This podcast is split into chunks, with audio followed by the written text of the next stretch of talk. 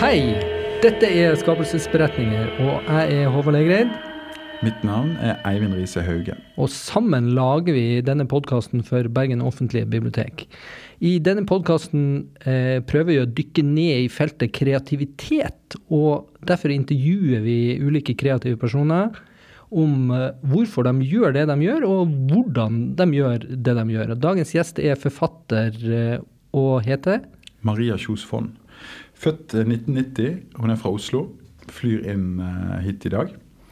Eh, Maria debuterer som eh, skjønnlitterær forfatter i 2014 med novellesamlingen 'Dette har jeg aldri fortalt til noen'. I 2018 følger hun opp med romanen 'Kinder Whore', og i 2020, siste bok, en roman ved navn 'Heroin Chick'. Maria har fått strålende kritikker for sine bøker. Den siste romanen, altså 'Heroin Chick', fikk jo også betegnelsen 'et mørkt mesterverk'. Hun har vært nominert til en rekke priser, og også vinner av Aschehougs debutantstipend. Maria er med oss her i dag. Hei, Maria. Hei. Som sedvanlig så har vi gitt gjesten vår en oppgave, ikke sant Øyvind? Mm. Hva er den? Finne tre ting Ja. i biblioteket. Det trenger ikke være ting. Du sa i sted at det kan også være gjenstander. Ja. Ja, det var en ting. Subtil forskjell. Veldig marginal. Men det kan også være noe du ser, en observasjon eller hva det måtte være. Så nå er vi jo selvfølgelig spente, er vi ikke det? Jo. Ja. Hva har du funnet, Maria? Jo, eh, det første jeg fant, var en orkidé. Eh, og det var Den er litt vissen, og det passer jo bra, for jeg tenkte litt på romankarakteren i min siste bok. Ja. eh, som er veldig skjør. Og man snakker jo liksom om løvetannbarn og orkidébarn i sånn litt sånn metaforiske At løvetannbarn tåler alt, på en måte. Ja. Orkidébarn kan det gå veldig bra med, og veldig dårlig med. Litt avhengig av miljøet. ja. Eh, og så eh, Min hovedperson hun har egentlig ganske Altså, hun utsettes ikke for store traumer, men de, de tingene som skjer, gjør vanvittig impact av det, fordi hun er en skjør orkidé. ja. Så det var eh, mitt første Det var helt nytt for meg, dette orkidébarnet. Har ikke jeg hørt før. altså. Mm. Nei. Eh, det, det, det Jeg tror faktisk karakteren i min forrige bok er enda mer orkidébarn, da. Sånn som utsettes for Ja. store traumer eh, og ikke klarer seg så bra, men er veldig begavet.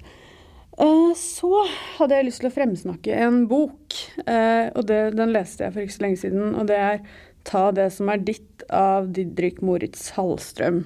Ok. Um, og det er fordi um, det er eh, eh, vanskelig å skrive hardkokt. eh, og mange forfattere prøver.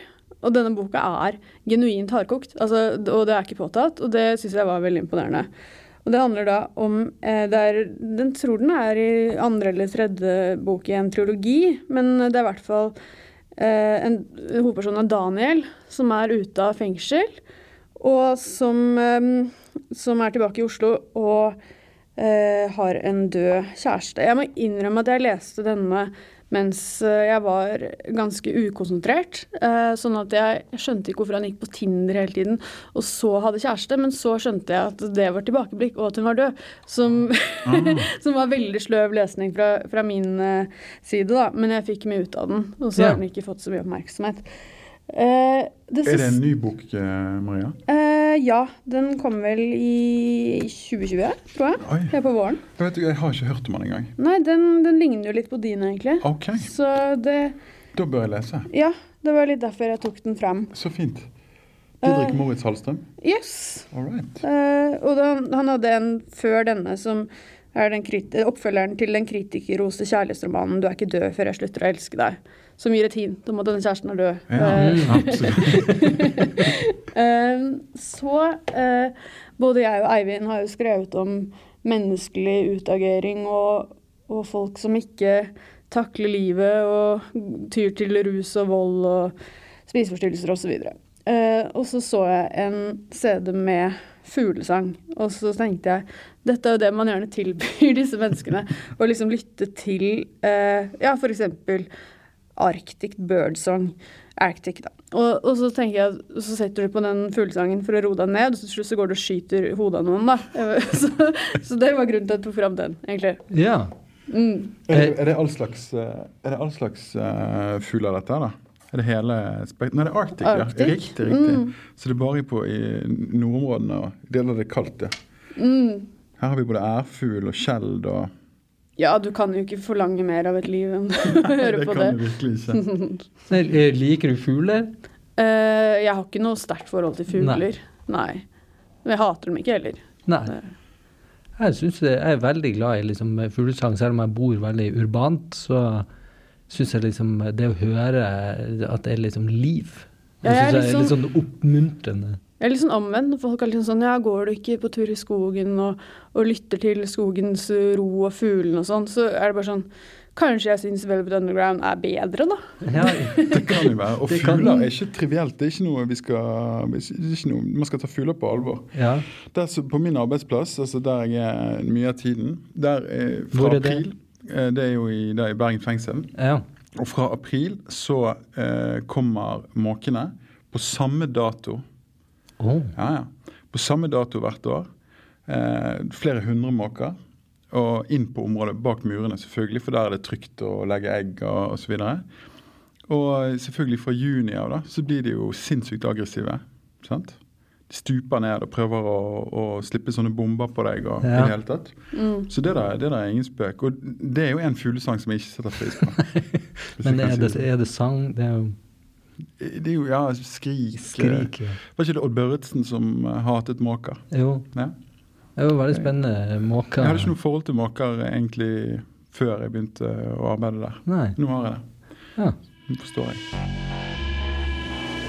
Leser du mye? Det er kanskje et uh, teit spørsmål. Ja, jeg gjør det. Um, men det er jo de som leser enda mer. Uh, men det, det er det jo alltid. Uh, mm. Ja, jeg leser mye. Eh, på toget hit så leste jeg 'Spådom' av Thomas Dahlstrøm. Eller jeg leste ikke hele, for å si det sånn. Jeg Mhm. begynte på den. En, en spennende bok om en lege som finner en gutt eh, som er skadet, og denne skal bevege seg i okkult retning. Mm. Eh, en slags eh, eh, kultklassiker, tro, tror jeg. Jeg har nettopp lest Knausgård sin 'Morgenstjernen', og Mhm. en fugl hvisket meg i øret at de kunne være litt beslektet, så okay. derfor så leser jeg den nå. Akkurat. Ja. Men leser du for eh, eh, det, er jo, det har vi ikke vært inne på. Vi har hatt to forfattere her eh, før. Men vi har egentlig ikke snakket så mye om lesning. Mm. Eh, men leser du for underholdning, eller litt research og litt for å se kollegene i kortene? Altså, jeg leser ikke så mye kolleger eh, lenger. Eh, med mindre jeg mm, har et oppdrag. Eh, og det er egentlig, egentlig ikke noe spesiell grunn til, bare at eh, tiden ikke strekker helt til, på en måte. Mm. Eh, så jeg, jeg, jeg jobber jo mye som skribent hvor jeg også skriver om litteratur, da. Ja. Og da blir det jo, jo mye som jeg må lese som fordi jeg tenker at dette kan være interessant å skrive om. Og da, da kan jeg liksom eh, ligge på senga og lese og, og si til eh, kjæresten min sånn Dette er abuse! Hvorfor må jeg lese dette? Hvorfor må jeg utsettes for denne forferdelige Eh, Men ofte, ofte, ellers så leser jeg mye for inspirasjon til ting jeg skriver selv og, og sånn, da. Ja. Um, ja, så det er litt Alt er litt jobb, på en måte. Men, men så begynte jeg på en sånn skikkelig fantasy, og det er helt nytt eh, som bare skulle være underholdning. Den het Imaginary Friend. Av, han, het, han hadde et rart navn, da. Men uansett, det var en baktanke med det òg. Det var Mm. ikke for underholdning, det heller. Men jeg har også en guilty pleasure på sånn Sophie Elise og sånn, og det er, det er egentlig bare underholdning. Men så ble det artikler av det òg Mm. ja Mm. det, det jobbes i Ja, hodet. Marie er jo Mm. nettopp trukket frem av uh, Sofie Elise sin bokklubb, stemmer ikke det? Det stemmer. Mm. Uh, det er veldig gøy. Mm. Um, så det blir spennende. Er en ny, kanskje en ny leserskare. ja, det er jo det jeg håper, da, for jeg vil jo at mange forskjellige folk skal lese Mm. bøkene. Ja. Enn du da, Eivind? Er du en eh, lesehest? Altså, jeg har jo, jeg har jo eh, lest uh, veldig mye i mitt liv, jeg. Men jeg leser uh, nesten aldri lenger av lyst, bare av plikt. Altså ting jeg må lese. Og det er rett og slett fordi det er ikke tid. Altså, det er ikke fordi at uh, jeg er ferdiglest eller noe som helst. Det er bare rett og slett det, OK, du skal ha en eller annen jobb, da må du lese en bok til den jobben veldig ofte. Eller flere. Og så blir det sånn. Og da så isteden så på kvelden når jeg liksom skal slappe av, da, så sitter jeg og ser på Farmen kjendis. så sånn er det blitt, altså. Sånn er det blitt. Ja. Sånn er det blitt. Jeg får håpe det er en forbigående greie, da, kanskje. Ja. Jeg er jo ikke en veldig hard skjønnlitterær leser. Jeg foretrekker bøker på under 200 sider.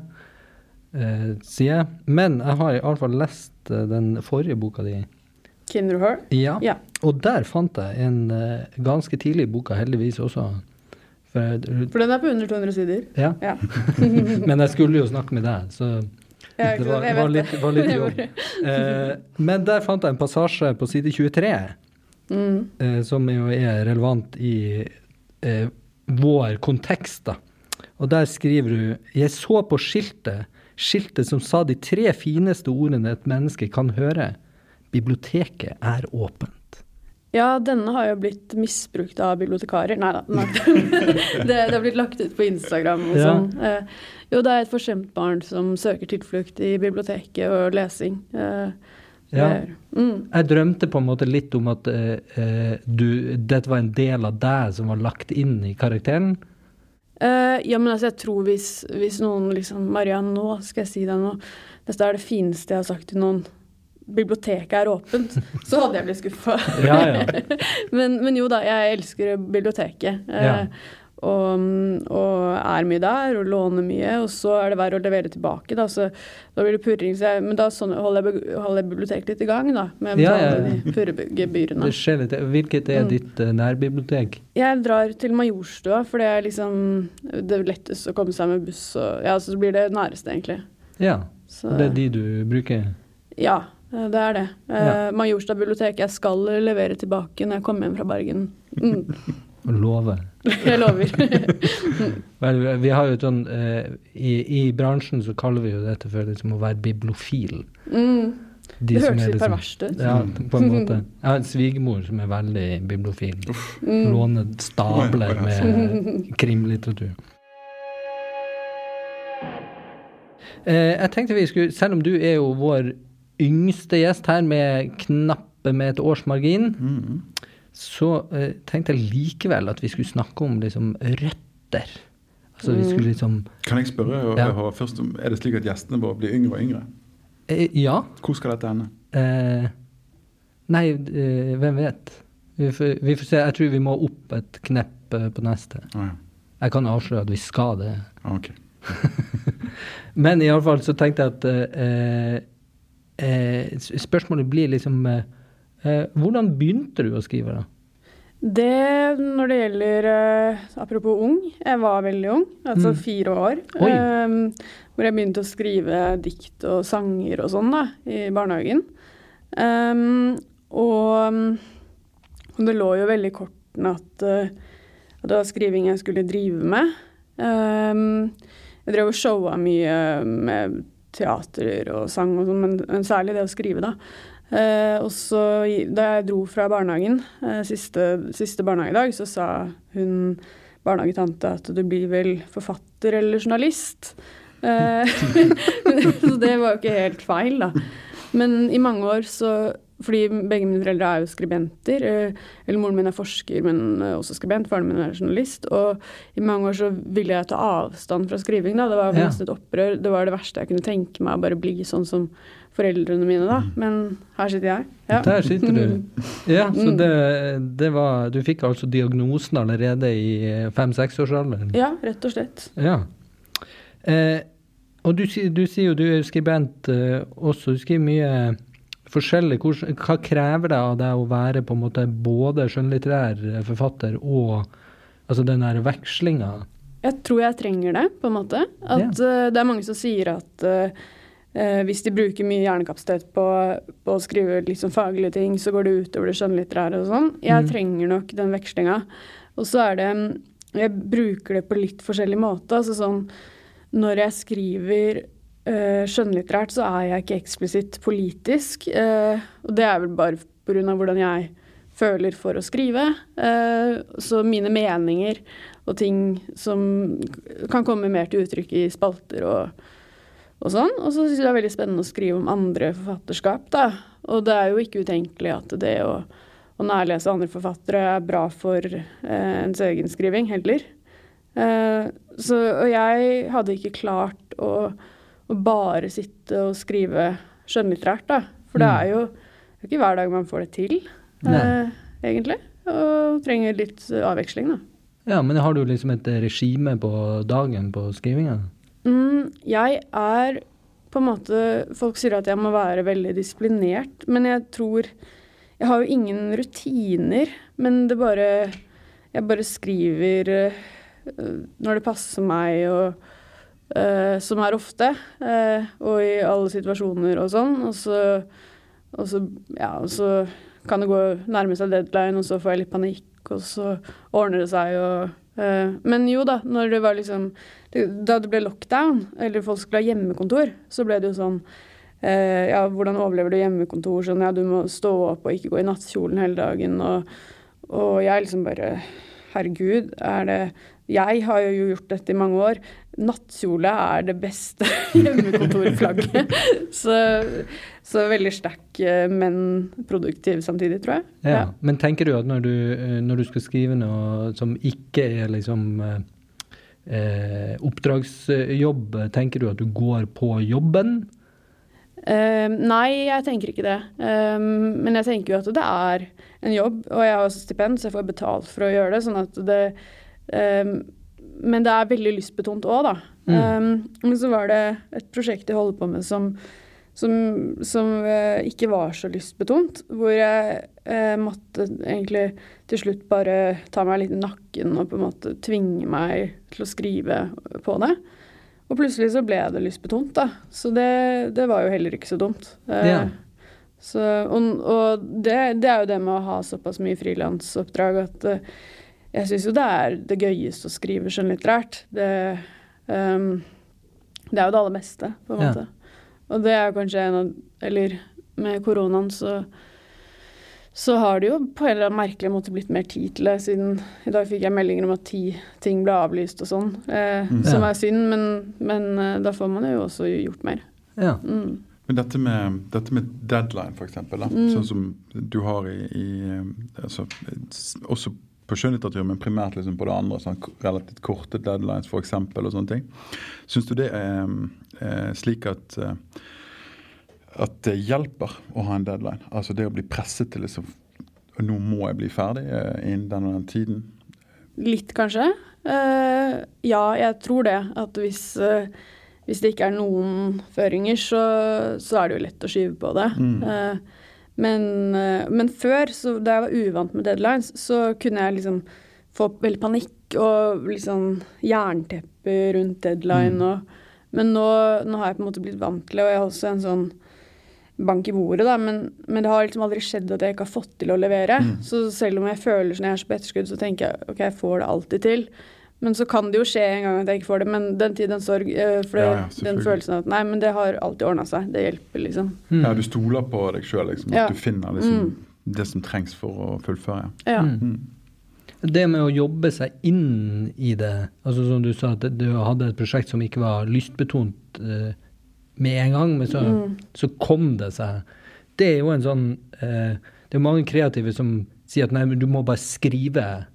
Du må bare begynne, så, så kommer det. Har du en eh, sånn opplevelse av det? Um, ja, altså jeg har jo vært veldig heldig med um, så er, altså sånn, Den siste romanen den kom veldig sånn umiddelbart at dette vil jeg skrive. Denne romanen den, den var liksom så Av en eller annen grunn så umiddelbar. Den Heron Chick. Men, eh, men før det så måtte jeg jo lete et år etter Kinderhore. eh, etter min første bok. Eh, og, mm, og det å, å lete og, og liksom Du skal jo skrive der det brenner, men du må jo kanskje tenne, tenne fyrstikken da, for at det skal brenne noe sted, på en måte. Um, og nå, har jeg gått litt, nå går jeg til og med litt bort fra den følelsen jeg har hatt at jeg skal skrive så veldig der det brenner, på en måte. Fordi jeg har jo nå Det har brent mye fra min kant, da, så nå prøver jeg liksom litt mer Litt andre innfallsvinkler, litt mindre personlig, kanskje, og se eh, hvordan det funker. Ja. Mm. Du sier finne. Mm. Altså at du, du måtte finne eh, eh, Hva mener du med det? Jeg leter jo etter prosjekter. Jeg- Det er jo en, en, en oppdagelsesprosess, og det er også sånn Det er veldig forskjellig hvordan forfattere jobber, men mange har jo et klart eh, susjett og skriver plott og eh, Til min redaktørs store fortvilelse så gjør jo ikke jeg det. Eh, og, og det er liksom Det begynner med kanskje en karakter eller et eller annet sånt, og så finner jeg ut hva som skal skje underveis, og, og hvordan, hvordan det hele skal eh, det, det, det, blir til mens jeg skriver, da. Ja. Men går du tilbake og eh, editerer for å få det til å stemme med en ny idé, eller? Eh, jeg, jeg redigerer faktisk ikke så mye. At eh, jeg bruker heller litt tid på, på det jeg skriver. Men det jeg gjør, er at jeg er veldig sånn eh, lost på sånn eh, praktiske ting. I f.eks. årstall eller der hadde hun miniskjørt, men for Mm. to avsnitt siden hadde hun bukse, da. Så, eh, men moren min er den som redder meg ut fra dette, da. Som har hjulpet meg i begge språkvaskene og korrekturrundene på sånn eh, smådetaljer som folk fort kan bli ganske irriterte av, da. Ja. Um, Dette er jo det som i filmspråket heter kontinuitetsfeil, ja. Mm. eller kontinuitetsbrudd. Mm. Eh, Det har ikke jeg tenkt på at eh, selvfølgelig også eh, kan fin finnes i litteraturen. Mm.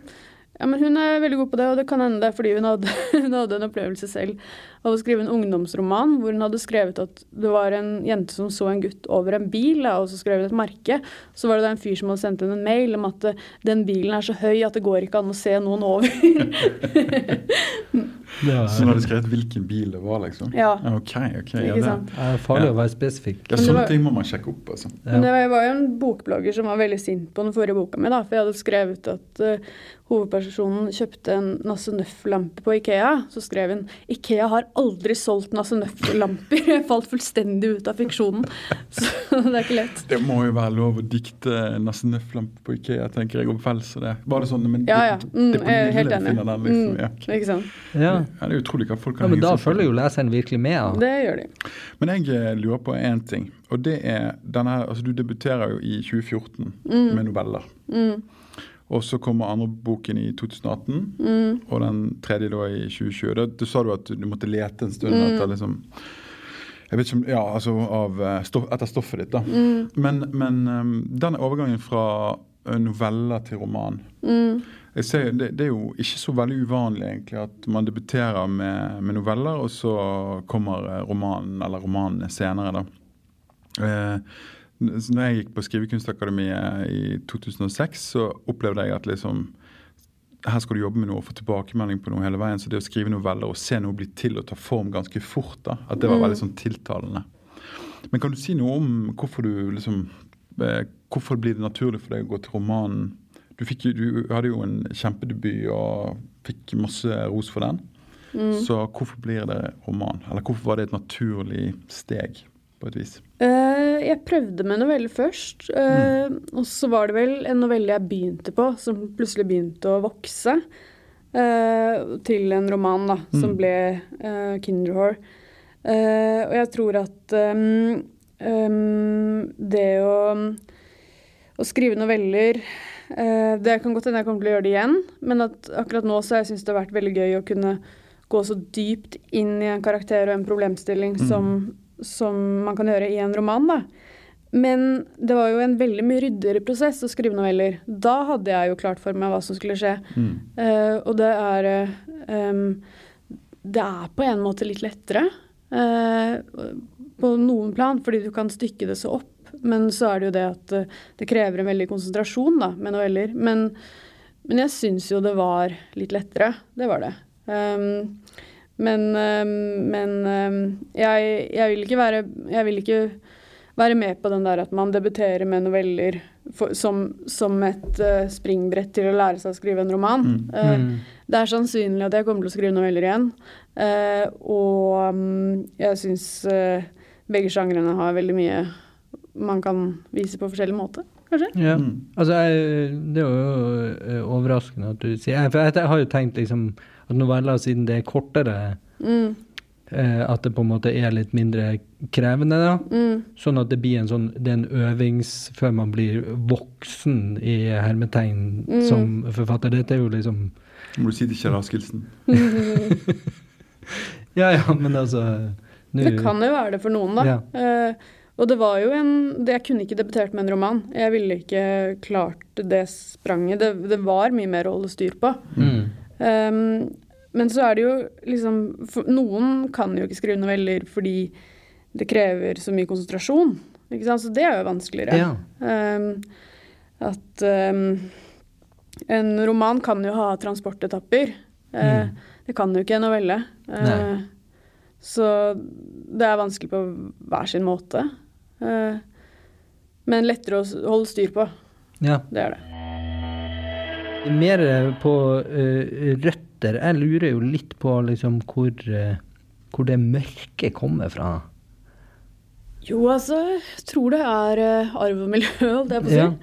At jeg er nok født med en dra... Altså ikke født, det, det blir jo vanskelig å Det vet jeg ikke hva en evolusjonspsykolog ville sagt, det, men jeg var tidlig veldig opptatt av mørke ting. Altså fra barnehagen. Ja. Jeg hadde en dragning mot det ekstreme. Ja. Eh, og mm, jeg var var ikke noe sånn dyster eller ulykkelig, men jeg bare hadde denne på en måte nysgjerrigheten. Eh, og jeg har alltid vært veldig følsom for eh, både det, det vakre og det stygge, på en måte. At ting har berørt meg veldig. Eh, og så har jeg jo så, så er det liksom ikke sånn at jeg Jeg blir jo lei av å gnåle om, om fortida mi, men det har vært mye som har skjedd som har vært uh, mørkt og problematisk i mitt liv, og da er det jo naturlig at man, at man søker næring fra den type opplevelser. Mm. Uh, sånn at jeg tror det er litt sammensatt. Uh, men, men nå så, så er jo livet egentlig ganske fint, men det gir meg absolutt ingen inspirasjon. Det er på en måte Det er nok i, i mørket jeg liker å lete. Eh, og hvor det kommer fra. Det Ja. Kanskje det bare er litt sånn. Ja, hvem vet. Men- altså, det er jo en sånn litt sånn eh, klisjé innenfor sånn så Når man snakker sånn populært om kunstneren som liksom eh, trist og sulten, og liksom det er en sånn myte, da. Mens det som finnes av eh, forskning på det, er jo det at eh, produktive, kreative, de er ikke sånn. De, der er det stort sett ganske godt humør og eh, positiv eh, eh, livsanskuelse. Mm. Og at det er, eh, har vist seg å være eh, viktig for å kunne ha en lang produksjon. Da. Det tror jeg stemmer eh, ganske godt. Altså sånn eh, Kunstneriskhet er jo også forbundet med nevroser, men, Ja. men uh, nevrosene står jo like mye foran kunsten som bak kunsten Ja. ofte. På en måte. At uh, det blir en, en voldsom hindring. Um, men jeg er jo ikke en tungsindig person. men jeg er, for å ta et eksempel av hvordan mitt sinn fungerer, da. Jeg hadde sittet på, på toget og lest ferdig Eivind sin bok da, om kriminalitet og mørke og sånn. Og så hadde jeg, jeg har, Det er jo en grunn til at jeg syns ting er litt crappy. Jeg har kroniske smerter som jeg har hatt i ti år. eh, Hodepine og sånn. Og så hadde jeg hatt veldig med det på toget. Og så gikk jeg av toget, og så fikk jeg en følelse Nå kunne jeg drept noen. Hvem som helst. Og så, og så var det sånn sånn eh, Dette er jo skummelt. Drepe? Jeg har aldri tenkt på det før. Og så gikk jeg inn på hotellrommet og tok meg en dusj, og så var jeg ferdig med det drepe-greiene, da. Men at jeg går fort til ekstremiteter. Og så tenkte jeg jeg har jo liksom Jeg har, gjort, jeg har prøvd alt, så Men jeg har ikke prøvd å drepe noen, da. Så Nei. det var liksom eh, Så ja. Mm, Det får vi håpe du slipper. det, det, det lover jeg egentlig at jeg ikke Ja, kommer til å gjøre. bra, bra. Men jeg er i mine følelsers vold da, og ideer. At jeg bare Oi, shit, lyst til å drepe noen. Og så tar jeg meg en dusj, og så er jeg ferdig med det. liksom. ja. Mm. Det er jo, det er jo dette, med, dette med mørke, da. altså det er jo Det er jo ikke så veldig ofte at eh, som personlig at jeg blir liksom virkelig bare fylt av sånn der eh, voldsom håpløshet som jeg blir fylt av, i, på, i, uten å røpe for mye om det, kanskje. slutten på Heroin Chick-boken. Eh, jeg merker jeg liksom Når jeg begynner å når, Eller bare når jeg tenker på det nå, så blir jeg litt sånn urolig. Får litt sånn ubehag, da. Eh, så det er jo en voldsom sånn nærhet til mørket, da. Altså veldig overbevisende, sterkt. eh, Det er jo et forslitt ord i litteratursammenheng, riktignok, men, men det er jo det. Altså sånn eh, Utrolig ubehagelig, da. Så, så, og det er jo Jeg vet jo veldig godt at det ikke er så lett å svare på sånne spørsmål, men, men var det med deg, den avslutningen? Visste du om den når du satt og jobbet midt i romanen? Mm, jeg tror de som leser romanen en gang til, vil kanskje se at det er noen hint eh, som dukket opp underveis. At jeg, jeg la ikke opp til at dette skulle ende godt. Eh, og mm, jeg skal ikke si så mye om de hintene, da, for da røper jeg jo. eh, så det, det får være opp til leseren. Men, eh, men jeg ble veldig overrasket da en anmelder sa at det var håp i slutten. For det, det, Det var det ikke. det ikke er. Eh, det var, der var det ikke noe håp. eh, så vidt altså Jeg kjente ingen håp i den avslutningen der. Men så var det egentlig Egentlig så tenkte jeg helt pragmatisk. Det var ikke fordi boka krevde en dårlig slutt. Det var fordi min forrige bok hadde endt med et håp, og så tenkte jeg jeg kan ikke gjøre det likt hver gang. Eh, og så tenkte jeg det ble en omvendt bevegelse, da. Den første Ja. boka start, eller den forrige starter i et mørke, liksom sånn Dante, og så, og så slutter det ikke akkurat i paradiset, men uh, litt skjærsild uh, lysner litt, ikke sant.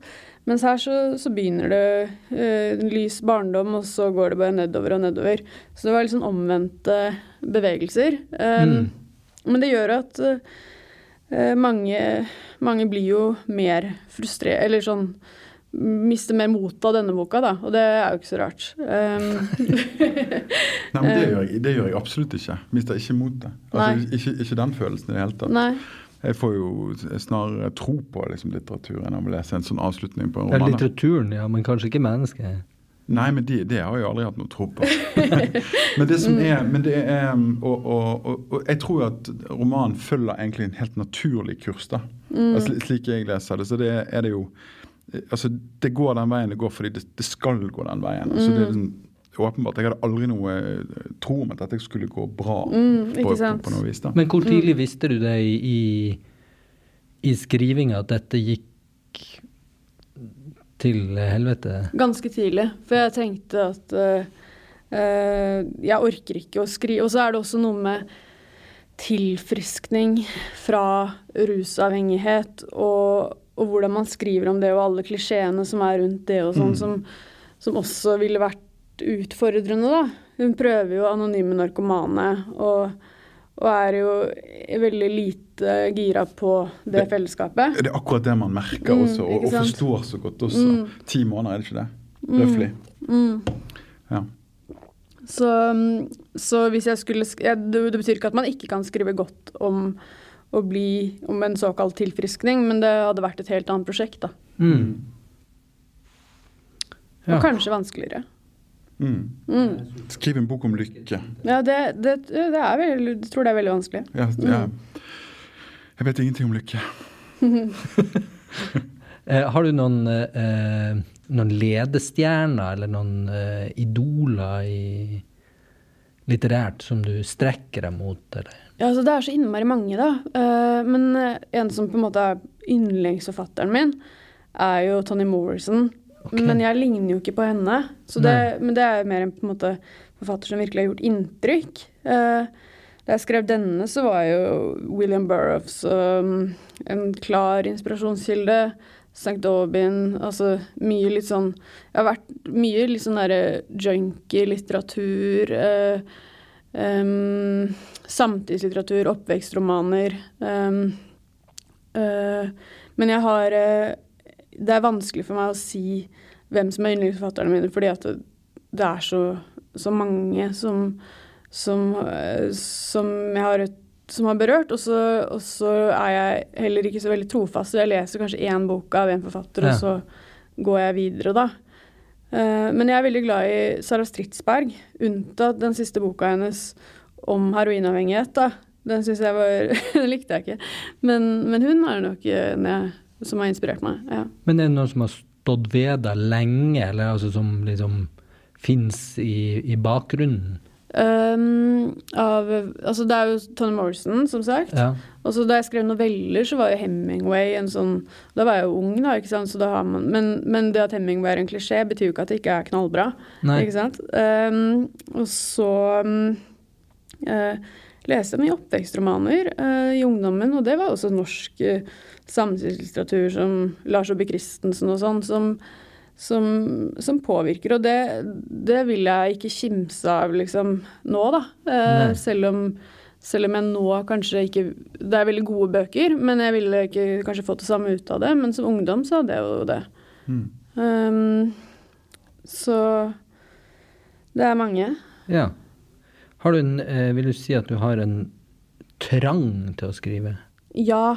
Um, jeg har jo det. Eh, jeg vet ikke helt hvordan ting hadde vært hvis jeg, hadde, hvis jeg ikke hadde skrevet. Jeg tror det hadde gått veldig dårlig. Altså sånn Hvis jeg hadde fått et skriveforbud, da. Ja. Eh, jeg tror jeg hadde klikka. Så, så jeg har nok det. Fordi hvis jeg, hvis jeg f.eks. et sekund får lyst til å drepe noen, da, så skriver jeg kanskje heller en novelle om en som dreper noen, men hvis det ikke var altså, Eller sånn Hvis man ikke kunne gå inn i Ikke kunne gjøre ting om til litteratur, da, og, og, og flytte fokus litt fra seg selv og sånn, så, så tror jeg det hadde vært eh, ganske vanskelig å ha med å gjøre. Ja. Hvor lenge kan du gå uten å skrive noe? Mm, tror jeg skriver eh, nesten hver dag. Eh, Ja. Men gå uten Altså hvis jeg var på en skriverehab, så ville jeg jo sikkert klart, klart meg en stund. Men så tenker man jo mm, Ja, men altså, hva skjer? Du har liksom La oss si du har ferie Ja. i Mm.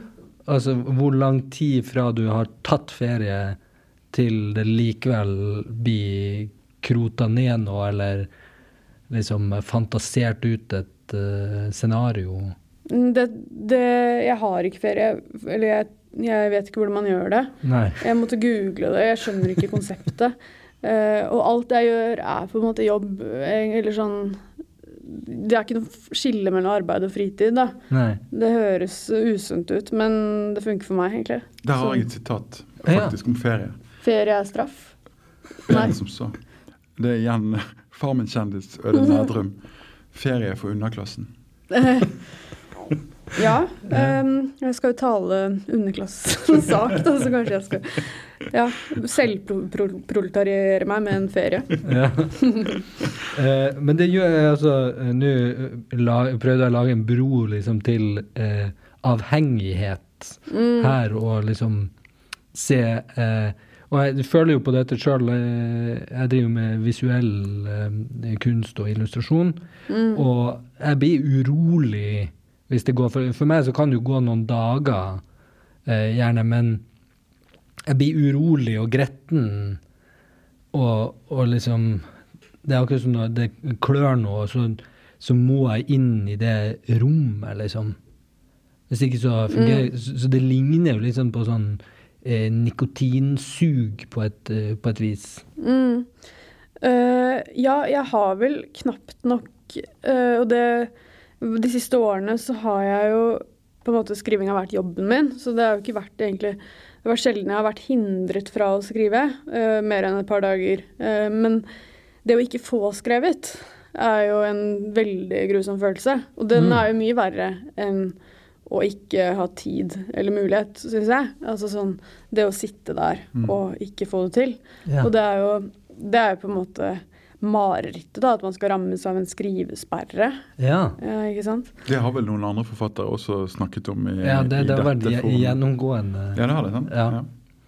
Jeg tror det er litt sånn, eh, om ikke unikt for forfattere, for det er det åpenbart ikke, men jeg tror det er spesielt fremtredende. Mm. Altså den, eh, kanskje den der følelsen av å sitte der, og så skjer det ingenting. Ja, ikke sant. Men kanskje kroppen vil, men Ja, jo, hjernen vil, men eh, kroppen vil ikke. eh, Ja, eller du Og det skrivesperre, det, det høres jo ut som en på en måte en angst for å skrive, eller at noe stopper. Men det kan jo være en kreativitetstørke òg, på en Mm. måte. Som, som vel er vanskeligere å gjøre noe med, kanskje. Fordi skrivesperre handler jo kanskje om å ta seg et glass vin, eller, eller uh, skru av lyset, eller bare slippe hemningene litt, da. Men hvis du faktisk ikke har noe å si, det er jo Da er det Ja. kanskje enda mer uh, Da har du enda større problemer, kanskje. Mm. Har du opplevd det?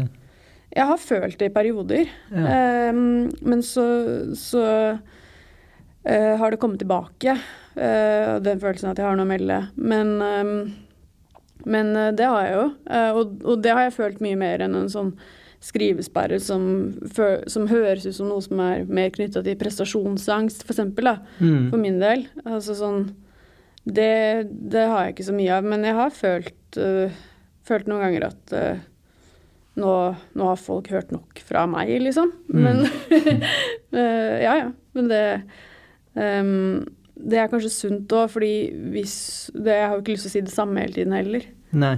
etter hvert. Så Ja, du sitter jo i en situasjon med veldig gode eh, kritikker mm, på to påfølgende, og den eh, novelleforsamlinga fikk jo òg god omtale. Mm. Eh, Så det er jo et press. eh, Jeg vet ikke om du føler på det?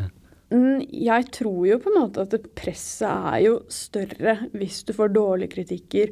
Altså, um, på en måte tenker jeg at, at jeg er veldig privilegert eh, på, på en måte som, som gagner meg. Eller sånn Verden har jo lagt opp til at jeg skal skrive. Jeg Mm. har foreløpig et stipend som har hatt vanvittig å si. Jeg vet jo ikke om jeg får det på nytt, da, men, men eh, det er klart man kan kan få press, eller føle et press, men, men øhm, øh, gode kritikker er først og fremst stimulerende. Altså føle at øh, folk setter pris på det jeg skriver, at jeg ikke trenger å være så redd, faktisk. Mm. Uh, og til og med uh, den følelsen som jeg har, da. At når jeg har fått så gode kritikker at om jeg skulle skrive en bok som det går litt dårligere med, så, så, så, så, er karriere, så sitter jeg ganske trygt, da.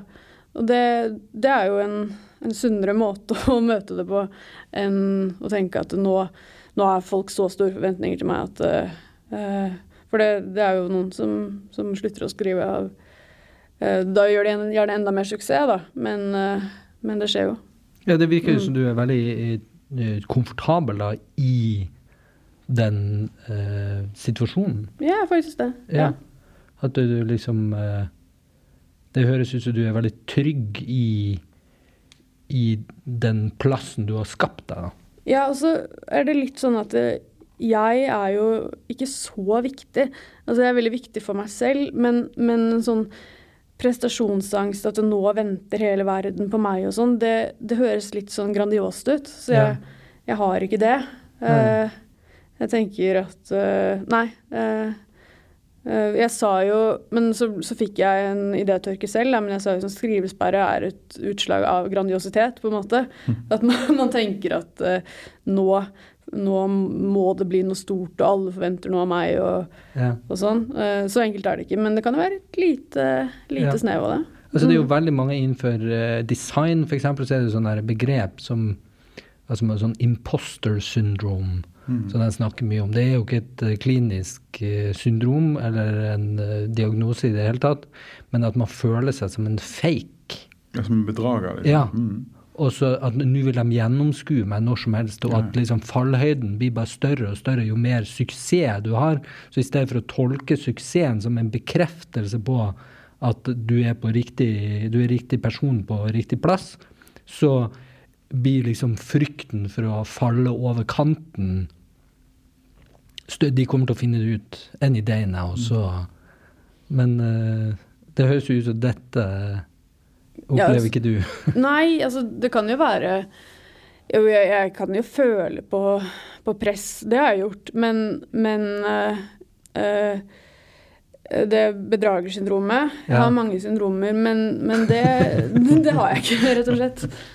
Så deilig. Mm. Ja, det var befriende å, å høre. Eh, eh, jeg fant frem en eh, Jeg driver og leser litt sånn, sånn faglitteratur om kreativitetsfeltet som forberedelse og som min form for nerderi. Eh, og så har jeg den boka til Geir Kaufmann som heter 'Hva er kreativitet?', som jeg tidligere også har referert til. Men han har eh, eh, Han prøver å vise til den forskninga som finnes på personlighetstrekk hos eh, kreative. Og der er det gjort lite grann, ikke så veldig mye, men eh, litt der. Vi har referert til en annen studie tidligere. men i denne har han funnet at det er gjort studier av kreative forfattere. Og det tenkte jeg var veldig passende i dag, og så sa du noe så jeg skal knytte det til eh, snart. Men da sier han at her identifiserte forskerne et mønster hvor impulsivitet, introversjon, intuitiv orientering og høy selvakseptering Det var liksom nøkkelordet mitt er fremtredende. For det høres ut som du har en sånn eh, en, en, en veldig sånn trygghet, en sånn aksept. Ja, det er akkurat sånn det er. Dette eh, er det du må eh, leve i på gode og onde dager. Jeg har jobba litt med saken, da. Ja. Eh, så jeg har jo drevet og torturert meg selv med sånn mindfulness og sånn. Okay. For å prøve, derfor jeg tok fram den fugle, fuglescenen. Ja, ja. For det er liksom Nei da, men, men jeg, øh, jeg prøver å ikke skape enda flere problemer i livet enn det er. Eh, og det er mye som er vondt og vanskelig, men at jeg gjør det bra med bøkene mine, vil jeg liksom ikke problematisere for mye. Eh, ellers så kan jeg kjenne meg igjen i Ja, jeg er jo en impulsiv type og sånn. Introvert er jeg nok ikke. Eh, men hva var det Intuitiv orientering. Det høres jo fint ut og noe jeg vil ha. Eh, Men selvaksept, betyr det da ro, egentlig? Nei, det er vel kanskje at man Nå stå- har ikke han eh, tatt med definisjonen, dessverre. Men eh, jeg tenker jo kanskje at det er en form for sånn eh, Du innfinner deg med eh, tingenes tilstand. Jeg tenker det er ro det betyr. Relativt mindful. Men jeg tror du kan være selvaksepterende og nevrotisk. Det Du tror jeg. aksepterer nevrosene. Ja. ja, det er ja, det. altså at det, det er noe med at og Nettopp å akseptere nevrosen, da.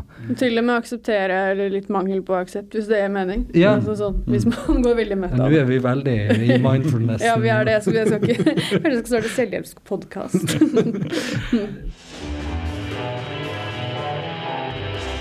Men du skriver jo også om, eh, eh, om folk som er Altså dine personer er jo eh, i det motsatte spekteret. På en måte. Det er mye, det er mye skam og selvforakt. Og også forakt for andre mennesker. Og altså sånne eh, veldig negative følelser følelser eh, som er vanskelig å, eh, å akseptere. og jeg tror ikke de aksepter, det virker ikke som de aksepterer det sjøl heller, at de har det sånn. Nei, og det har jo vært grunnleggende i alle mine bøker. Den behovet for å, for å eksternalisere følelsene sine på et eller annet plan. Gjøre seg nummen. Eh, første boka handler om kvinnelige voldsutøvere, den, særlig, da, som et gjennomgangstema. Den andre handler om dissosiasjon, som er en psykologisk mekanisme for å koble fra vonde ting.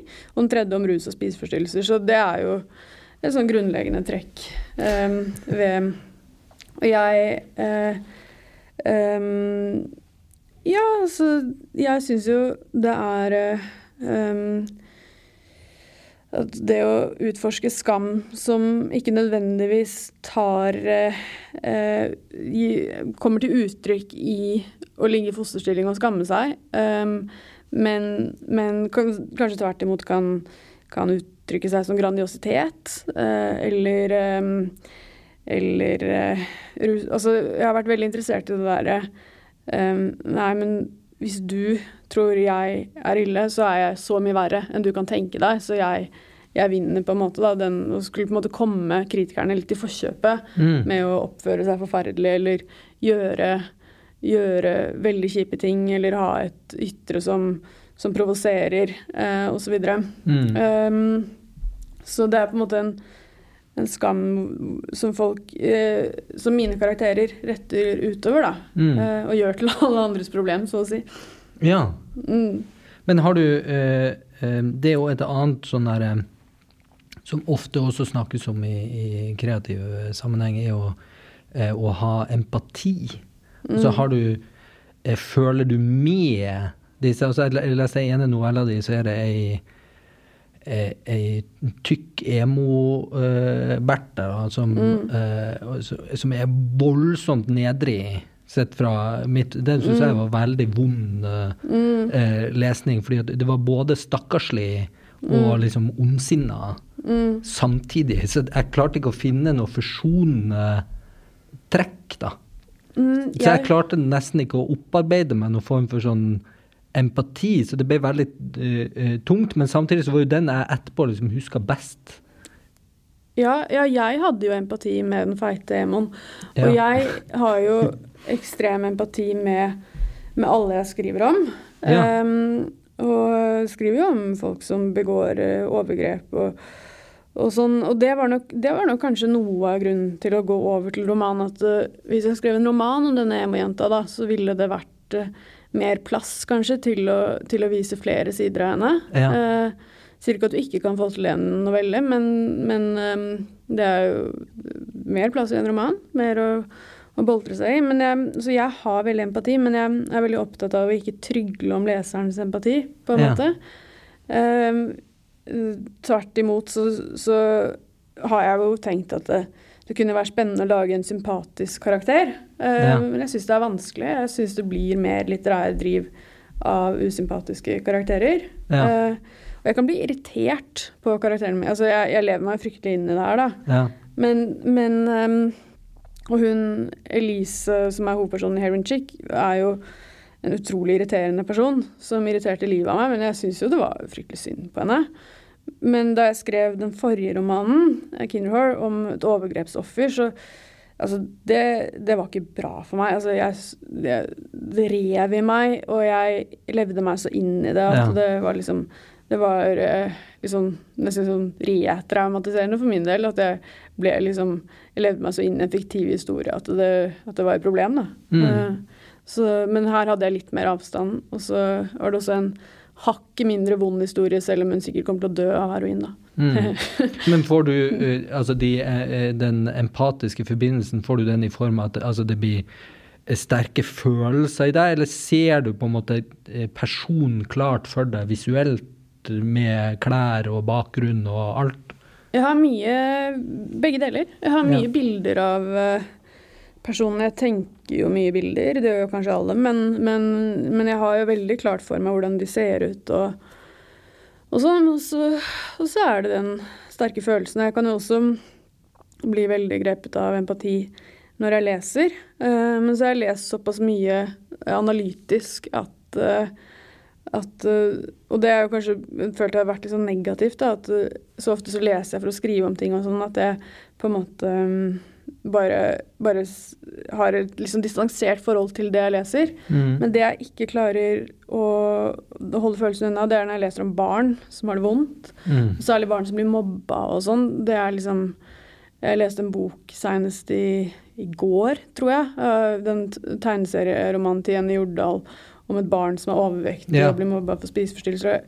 Det var helt forferdelig. Altså, det var vondt, men det var jo en veldig god bok, da. Men, men um, Og da jeg leste 'Jonas' av Jens Bjørneboe, så, så var det sånn Jeg klarte nesten ikke å gjennomføre. Så jeg tror nok det er min softspot Det er barn som er ensomme og har det vondt. Det, det er, da klarer jeg ikke å være herdet. eh. Nei. Mm. Men får du av og til noe som form for eh, renselse, da, eller sånn katarsis, som man sier, av å skrive ut fæle ting? Ja, kanskje det.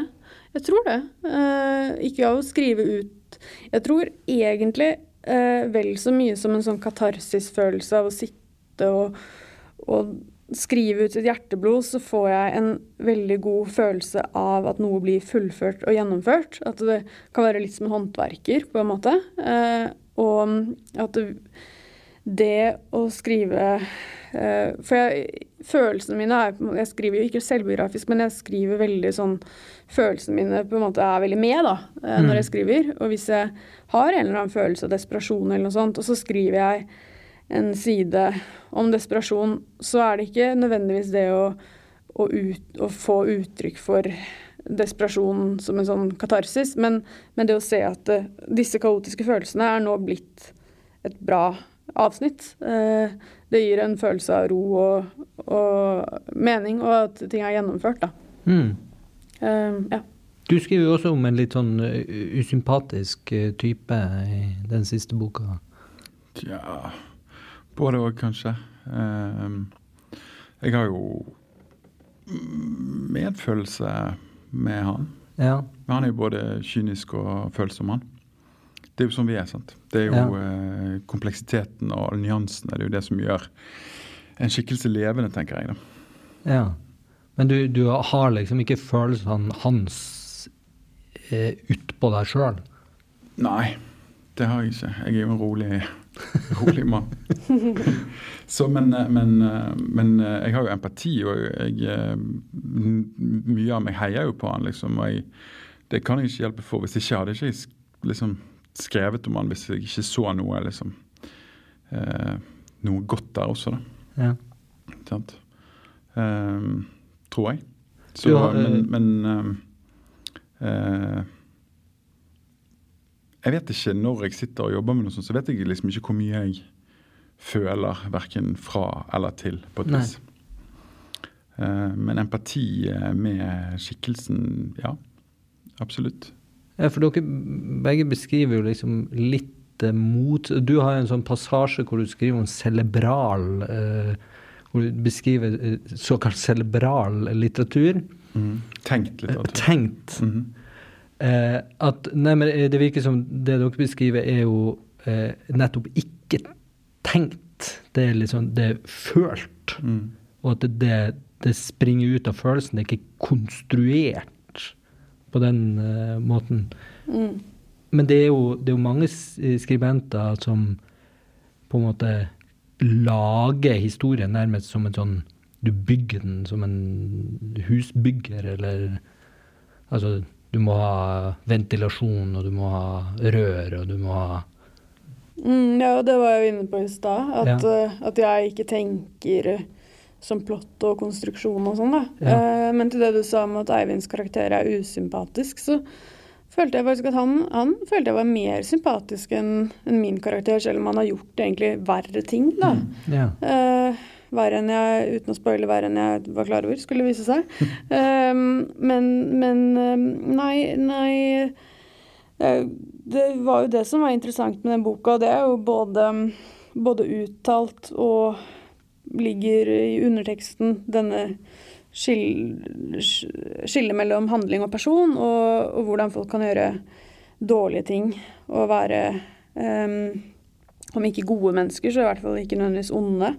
Uh, jeg syns jo det som var veldig interessant med den boka, og som også gjør hovedpersonen mer sympatisk, er jo til og med forsøket på å gi pedofile en slags menneskelighet, da, som er på en måte mm. nederst på alle rangstiger, mm. i fengsel til og med. Mm. Og det har jeg vært litt opptatt av selv. Eh, så det, da slår du to fluer i én smekk. For det første så, så, løfter du fram det. For det andre så, så virker jo da hovedpersonen som en slags eh, mor Teresa som ser noe godt i alle.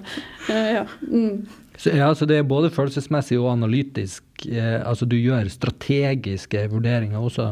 Ja, nå snakker jeg om hans bok, men, ja. men, men det gjør man jo, tenker jeg. At uh, hvis du bare skriver med følelsene dine, som Oscar Wilde sa, all dårlig poesi er oppriktig, på en måte, da, da blir det ikke noe bra. Og det er nok, det er nok alltid mye, mye tanke bak. Og det merker jeg ofte særlig etterpå, da, når jeg skal snakke om boka. Mm. Så tror jeg bare har sittet i en sånn eh, skriverus, på en måte, og bare vært inni mitt eget. Men så Eh, så kan det hende jeg finner på alt jeg har tenkt etterpå, men jeg tror ikke det. Jeg mm. tror det, det, var mye tanker bak, bak alle innfall og utfall. Mm. Hvordan er den skriverusen? Det er å være veldig inni det, og det å leve seg så inn i karakteren. Og, eh, og, og, da blir det også sånn at eh, jeg legger det ikke fra meg når jeg ikke skriver. på en måte. Jeg går rundt og hører på musikk og får liksom en soundtrack til karakteren. Mm. Og um, kan til og med uh, Og det, det, var særlig da jeg skrev 'Kinderhore', at det ble sånn method writing. At det er på en måte sånn som method acting, hvor du blir den du spiller. At det er på en måte karakteren kommer litt under huden, da. Det er veldig interessant, akkurat det, mm. det, det bildet der med liksom, det du egentlig gjør når du skriver eh, sånt, Det som jeg skriver, er jo aldri på en måte virkelighetslitteratur. Sant? Diktning, da. Og liksom det som jeg gjør da det, Men det betyr jo ikke at dette ikke er tuftet på egne erfaringer og tanker man har tenkt og det man har sett og hørt etc. Men det du gjør, eller, liksom, det er jo at du går jo eh, inn egentlig i Du lever med og lever i den karakteren som en altså, slik en skuespiller kanskje jobber før man skal tolke en rolle. liksom. Mm. Mm. Men jeg avbrøt deg, Marie. Nei, du gjorde egentlig ikke okay. det. Du, du videreførte okay. resonnementet mitt. Eh, eh, Nå var vi nesten over i litt sånn bokbading, og det skal vi jo ikke gjøre. eh, selv om det var eh, fryktelig spennende. Så eh, tenker jeg sånn helt konkret, hva, hva skriver du på? Nå? Ja, eller altså når du gjør dine notater, eller nå må Å ja, sånn, da. Ja, Ja. ja. Eh, på laptop. Um, Så du har ikke en liten fysisk bok? nei. Um, jeg har det hvis jeg skal skrive helt andre ting. Uh, beskjeder til meg selv, liksom. Eller Men det er veldig sjelden jeg skriver for hånd. Uh, noen ganger så skriver jeg på mobilen. Um, uh, hvis jeg sitter på bussen og får tanker. Men det er eh, stort sett på laptopen, egentlig. Um, og ikke noe sånn romantikk rundt det. med det er noen som må ha skrivemaskin og ha på seg dress og trives i nattkjolen eh, i lenstolen med laptopen, liksom. Ja. Ja. Og det du stiller egentlig ikke noe krav til den laptopen?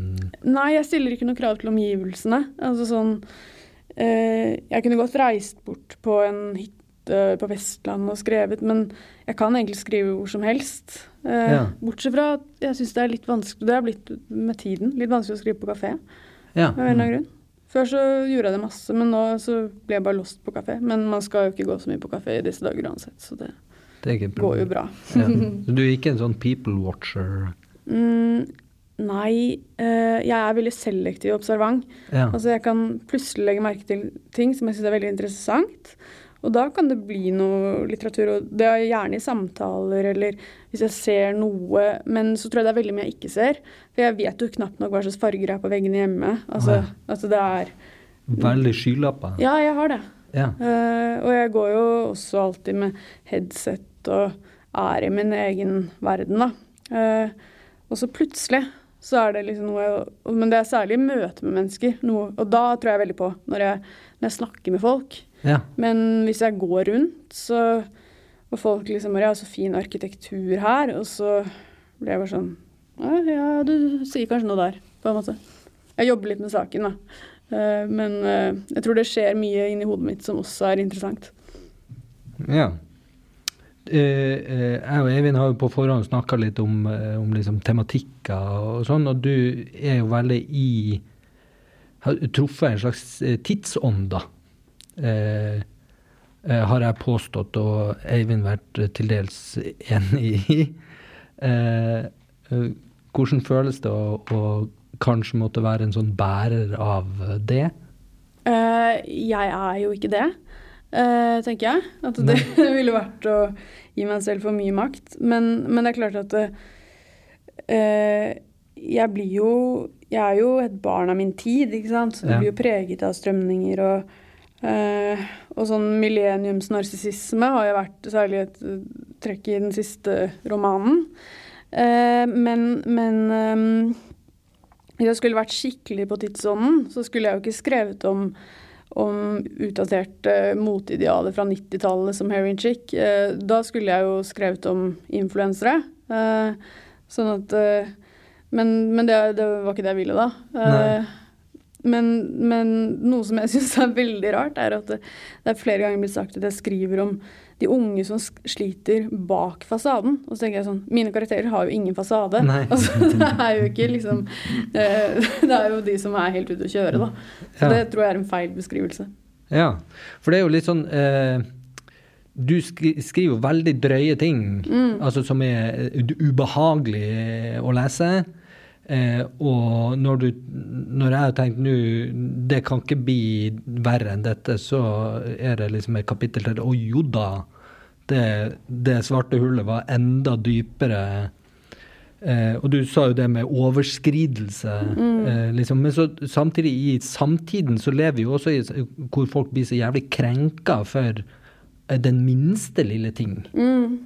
Og for meg så virker det som et sånn veldig rar eh, balanse. Altså, du har liksom drøyhet på ene sida og krenk på, på andre sida. Og så føler du noe på uh, Åpenbart så føler du ikke på at du uh, er redd for å krenke noen. Nei, altså når jeg skriver spalter og sånn, så Ja. er jeg det. Mm. Ja. Da, da, da legger jeg nesten litt bånd på meg selv og sånn veldig redd for å si noe feil. Da. For det, det kan jo fort bli sånn at eh, selv om man har de aller beste intensjoner, så kan folk henge seg opp i et ordvalg f.eks., eller et eller annet sånn, ikke sant. Eh, sånn at eh, der kan jeg nok bli litt hemmet. Men jeg tror det å skrive skjønnlitterært er så viktig for meg at da, da blir jeg mer kompromissløs, da. Eh, men så er det jo ikke sånn at uh, jeg skriver ting som er så veldig politisk ukorrekt heller. Eh, altså, mine um, Eller det er, det er romaner. Altså, og hvis jeg hadde Jeg er ikke OL Beck, liksom. Jeg skriver ikke om en, en bok om islamsk overtagelse, på en måte. Nei. Men jeg tror um, hvis jeg hadde behov for å skrive noe sånt, ikke at jeg har det, men så ville jeg nok gjort det fordi eh, det skjønnlitterære er såpass viktig for meg, da. At eh, da er jeg villig til å ta flere sjanser. Vi begynner å nærme oss eh, slutten, så vi har planlagt at siden du er så ung, ja. så kan vi snakke om fremtiden eh, avslutningsvis. Og da er liksom eh, spørsmålet er Hva gjør du om 20 år? Skriver, Ja. selvfølgelig. Um, ellers så tror jeg at jeg fortsetter litt som jeg gjør nå. Jeg syns Eller sånn Ja, jeg Nei, det er jo veldig vanskelig å svare på. Så du er ikke typen som legger liksom femårsplaner for livet ditt? Femårsplan har jeg jo, men, men det kommer jo litt an på hva som skjer nå, da, med jobb og stipend og korona og Men jeg har ulike, ulike scenarioer for hvordan de neste årene blir. Men 20 år er jo mye. Ja. Eh, Kan du gi oss ett eh, femårsscenario? Jeg skal jo gifte meg i august, da. Ja. Eh, så det har jeg jo tenkt til å, å holde på, holdt jeg på å si. Så det er jo én ting. Um, og så blir det vel å fortsette å, ut, å utvikle litteraturen og mm, Nei, jeg Jeg vet ikke. Det, det ble litt langt fram i tid med fem år. Ja. Fem år var for langt. Ja. Ja, du er liksom ett til to? Ja eh, Nei, men altså egentlig så, så har ikke jeg noen store planer om å gjøre så mye drastisk med livet mitt. Altså Nei. sånn Jeg liker den livssituasjonen jeg har nå, hvor jeg skriver og tenker og og gjør mine ting. Eh, og har de relasjonene jeg har. Og, og det er jo egentlig et kjempeprivilegium at jeg ikke ønsker så store forandringer. Eh, for det betyr at jeg nok er ganske fornøyd. Mm. Um, så um, uh, Og ellers så er jeg impulsiv, så plutselig så, Så så er jeg i Las Vegas. Men uh, det er ikke planen, da. Nei. Men kunne du, hvis vi skal tenke en tenkt framtid, kunne du ha hatt noe annet kreativt yrke? Eh, altså, jeg har jo drevet mye med sang. Ja. Um, og var jo en stund jeg, som tenåring at jeg ville, og gikk musikklinja og ville satse på det. Um, fordi Også litt for å ta avstand fra denne familieforbannelsen med å være skribent. Mm. Um, og jeg har også på en måte vært uh, uh, Skuespill interesserte meg veldig av samme grunn som å være forfatter. Det der å kunne kunne mm, Uh, leve seg inn i et annet menneske. Uh, men så er det jo der man har det største talentet, da. Uh, Ja. Hvor man kanskje må, må fortsette. Og så nei, Spørsmålet er vel heller om jeg kunne jobba med noe annet em, som ikke var kreativt. Mm. Og det kunne jeg vel. Og kan jo føle på en måte et kall eller et ønske om å, om å være mer på en måte praktisk til hjelp for, for folk, ikke sant. Eh, som ja, Du jobber jo litt på Jeg vet ikke akkurat hva du jobber med nå, men du har jobba litt i Rusomsorg, og noe det fengselsbibliotek. Ja, ikke sant. Og sånne ting har jeg jo tenkt på selv, da. Eh, så det, det kan jo hende, hvis jeg finner ut at jeg vil være mer til hjelp enn til bry, at eh, noe sånt kan være noe jeg gjør etter hvert, da. ja. Eh, har du noe mer du har lyst til å si? Nei, jeg tror faktisk at jeg har sagt nok. Du er vel forsynt? Ja. Vi er forsynt òg. Ja, Eller absolutt, Eivind, har du noe Nei da, dette var, det var strålende. Det var en fin finish. Ja. Det var en fin finish. Takk for at du kom. Ja, tusen takk. Ja, takk for at jeg fikk komme.